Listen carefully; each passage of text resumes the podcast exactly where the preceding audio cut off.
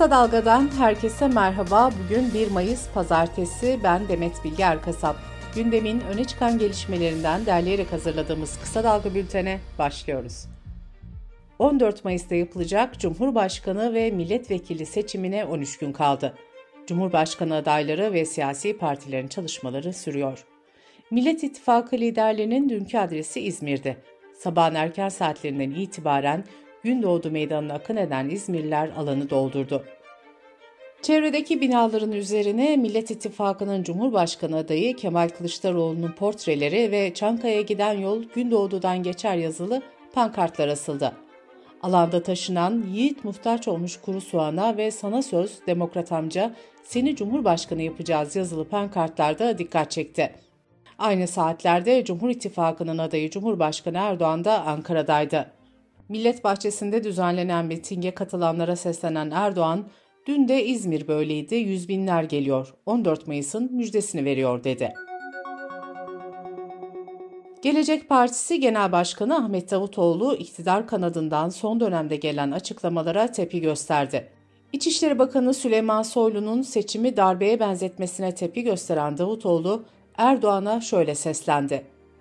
Bazı çevreler sizin hastalığınızı da bahane ederek bir boşluğu doldurmak adına milli iradeye müdahale etme çabası içinde olabilir. Sizin göreviniz Cumhurbaşkanı olarak seçimlerin demokratik ortamda yapılacağına dair güvence vermenizdir.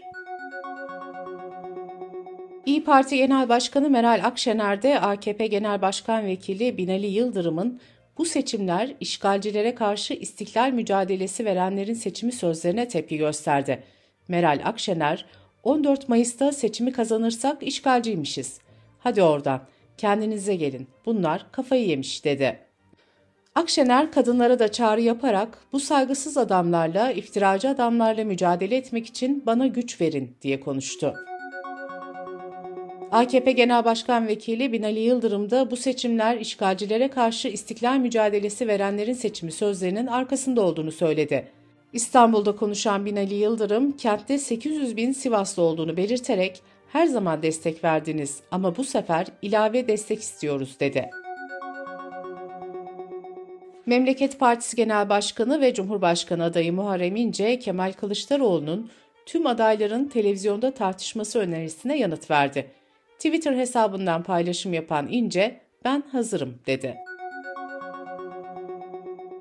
HDP eş genel başkanı Pervin Buldan, öncelikli amaçlarının Yeşil Sol Parti'yi birinci parti yapmak olduğunu söyledi.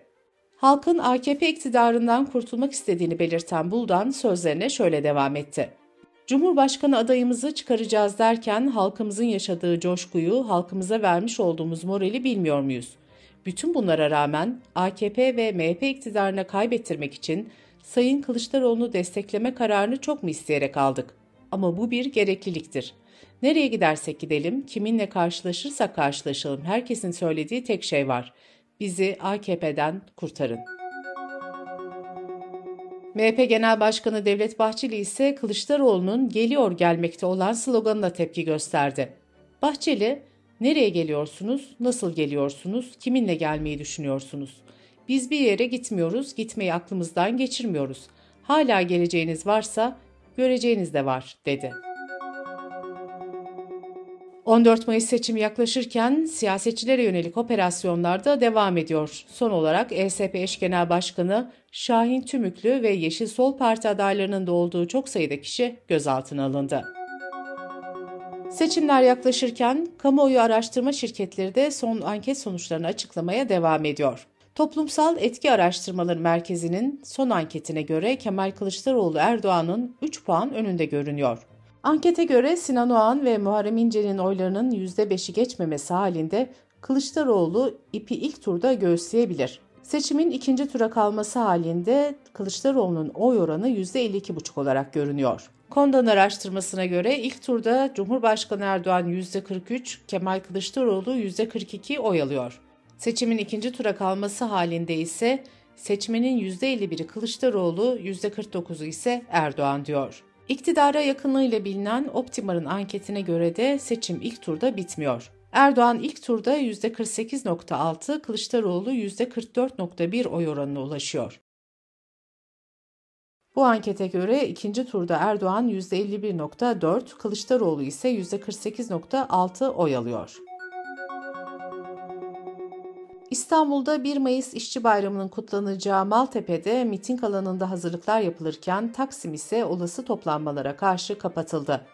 DİSK Genel Başkanı Arzu Çerkezoğlu, bu 1 Mayıs Taksim'in yasaklı olduğu son 1 Mayıs olacak dedi. Ankara'da bu yıl 1 Mayıs mitingi Tandoğan Meydanı'nda gerçekleştirilecek. İzmir'deki kutlamaların adresi ise Gündoğdu Meydanı olacak. Kısa Dalga Bülten'de sırada ekonomi haberleri var. Türk İş'in çalışanların geçim koşullarını ortaya koymak amacıyla her ay yaptığı açlık ve yoksulluk sınırı araştırmasının sonuçları açıklandı. Buna göre Nisan ayında 4 kişilik bir ailenin sağlıklı, dengeli ve yeterli beslenme için yapması gereken gıda harcaması tutarı yani açlık sınırı 10.135 lira oldu. Gıda ile birlikte zorunlu diğer harcamaların toplam tutarına denk gelen yoksulluk sınırı ise 33 bin lirayı aştı. Araştırmaya göre bekar bir çalışanın yaşama maliyeti aylık 13.167 lira olarak hesaplandı. CHP Genel Başkan Yardımcısı Veli Baba 1 Mayıs İşçi Bayramı'nda emeğin 5 yıllık durumunu özetledi. Ağbaba'nın verdiği bilgilere göre 2018'de 5 milyon olan işsiz sayısı 2023'te 8 milyona yükseldi. 2018 yılında emeğin milli gelirden aldığı pay 33,5 iken bu pay 26,5 puana geriledi. 2018 yılında çalışanların bankaları olan borcu 536 milyar liraydı. Bu borç %372 oranında arttı ve 2 trilyon lirayı buldu. Son 5 yılda iş cinayetlerinde en az 10 bin işçi hayatını kaybetti. Çalışma ve Sosyal Güvenlik Bakanı Vedat Bilgin, asgari ücret ve emekli maaşlarına ilişkin yeni açıklamalar yaptı. Temmuz'da emekçileri koruyacak bir asgari ücret belirleyeceğiz diyen Bakan Bilgin, emekli maaşlarıyla ilgili kapsamlı bir düzenleme yapılacağını belirtti. Dış politika ve dünyadan gelişmelerle bültenimize devam ediyoruz. Yunanistan Dışişleri Bakanı Nikos Dendias, Türkiye ve Yunanistan arasındaki olumlu atmosferden memnuniyet duyduğunu söyledi. Dendias, cesur olmalıyız, uzlaşı olmasını istiyorsak her iki taraftan da adımlar atılmalı, dedi. Rus paralı asker grubu Wagner'in lideri, Ukrayna Savaşı'nın en sert cephelerinden olan Bahmut kentinde çok büyük ikmal sorunları yaşadıklarını ve bölgeden çekilebileceklerini belirtti. Bahmut kenti ve çevresinde karşılıklı operasyonlar aylardan bu yana devam ediyor. Ukrayna ordusu kentin batısında küçük bir alanı kontrol ediyor.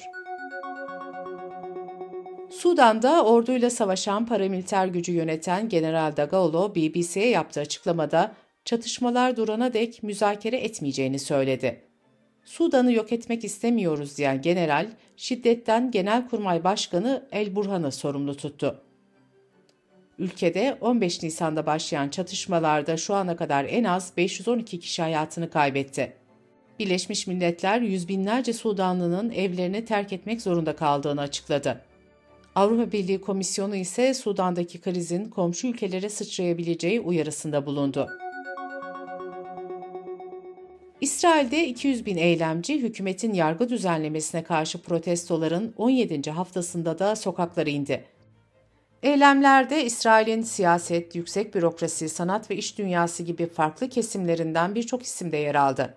İspanya Başbakanı Pedro Sanchez'in destek mesajı da başkent Tel Aviv'de kurulan sahnelerden göstericilere yayınlandı. Halkın tepkisine neden olan yargı düzenlemesi yüksek mahkemenin yetkilerini sınırlandırıyor ve iktidarın yargı atamalarında söz sahibi olması anlamına geliyor. Hükümet eylemler nedeniyle ertelediği düzenlemeyi Mayıs ayında yine meclise getirmeyi planlıyor. Küba'da her yıl düzenlenen 1 Mayıs İşçi Bayramı kutlamaları bu yıl yakıt krizi nedeniyle iptal edildi. Küba'da 1959 devriminden beri her yıl düzenlenen etkinlikler için yetkililer halkın toplanabilmesi amacıyla ülkenin farklı noktalarından Havana'ya otobüs seferi düzenliyordu. Kuraklık sorunuyla mücadele eden İspanya'da yerel yönetimler mevsim normallerinin üzerinde seyrederek rekor kıran hava sıcaklıklarına karşı önlem almaya başladı. Afrika'dan gelen dalgayla sıcaklıkların mevsim normallerin 10 ila 15 derece üstüne çıktığı belirtiliyor. Japonya'da kürtaj hapının kullanımına ilk kez onay verildi. İlacın piyasaya sürülmesiyle 9 haftalığa kadar gebelikler ilaç yoluyla sonlandırılabilecek. Uygulamanın maliyetinin ise yaklaşık 100 bin yen olması bekleniyor. Bültenimizi kısa dalgadan bir öneriyle bitiriyoruz. Gazeteci İbrahim Ekinci bir haftanın ekonomik gelişmelerini değerlendiriyor. İbrahim Ekinci'nin hazırlayıp sunduğu Marjinal Fayda programını kısa dalga.net adresimizden ve podcast platformlarından dinleyebilirsiniz. Gözünüz kulağınız bizde olsun. Kısa Dalga Medya.